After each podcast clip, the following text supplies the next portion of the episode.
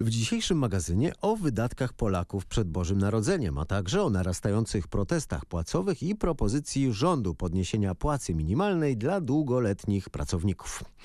W tym roku przeciętna polska rodzina wyda na przedświąteczne sprawunki 1168 zł. Taką kwotę wyliczyła firma Deloitte. To wydatki nie tylko na prezenty i świąteczne specjały, ale też na świąteczne wyjazdy. 40% tej sumy, czyli 525 zł, to wydatki na prezenty. Niemal tyle samo, 520 na artykuły spożywcze.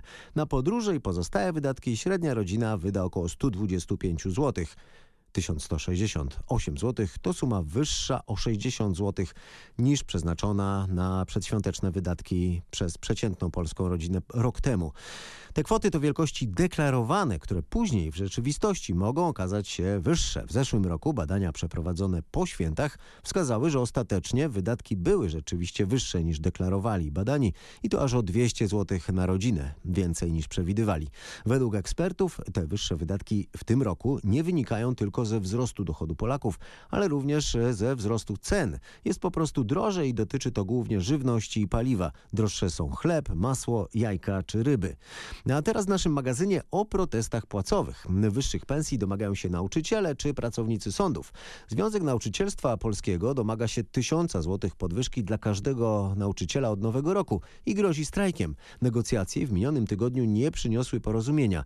Minister edukacji Anna Zalewska obiecywała podwyżki. Kiedy y, dokonuje się zmian w systemie edukacji, e, zdarzają się różnego rodzaju kontrowersje, niepokoje. Bez względu na to, w jaki sposób y, związkowcy domagają się różnego rodzaju e, zachowań, zawsze spotykamy się w pół drogi. Mówiła minister edukacji Anna Zalewska i wskazywała na podwyżki z kwietnia tego roku, ze stycznia nowego roku, a także z kolejnego 2020 roku. W sumie jednak te podwyżki nie dają kwoty, której żądają nauczyciele, dlatego ponad 260 tysięcy z nich z całej Polski przekonuje w ankiecie, że chce protestu. Odpowiada minister Związek Nauczycielstwa Polskiego. Widmo protestu z całą pewnością oddalone nie jest i decyzje myślę będą zapadały do końca grudnia. To, co proponuje pani minister, czyli wzrost wynagrodzeń w roku 2019 między 120 zł a 220, po prostu tę pauperyzację naszego środowiska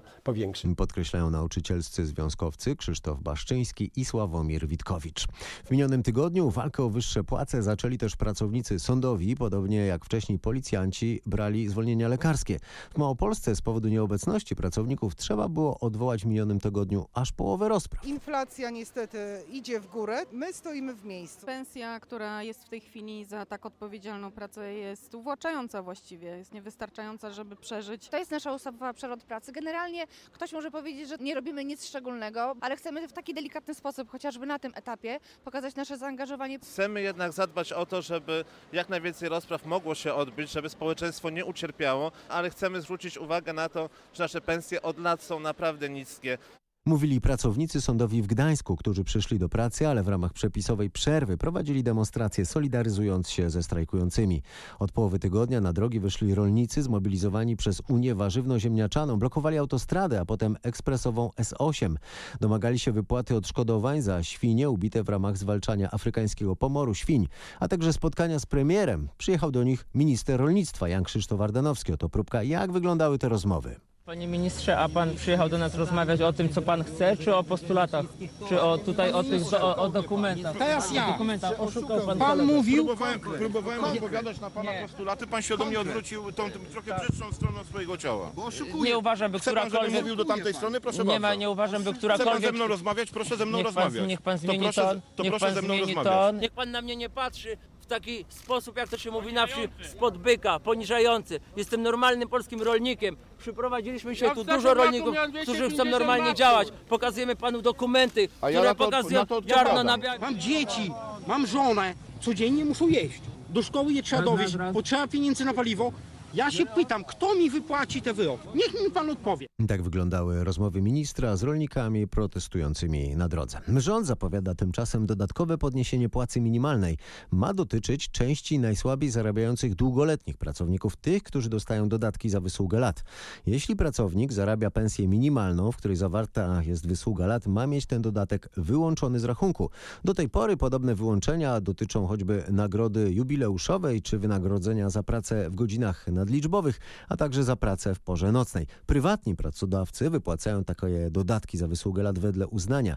Inaczej jest w przypadku pracowników budżetówki, urzędników, nauczycieli czy pracowników sądów. Oni mają ten dodatek zapewniony ustawowo i ich to zwiększenie płacy minimalnej będzie dotyczyć. To już wszystko w dzisiejszym magazynie. Życzę udanych i oszczędnych zakupów, no i podwyżek płac. Polecam przy okazji fakty ekonomiczne w RMF FM od poniedziałku do piątku o 7.30 i 17.30.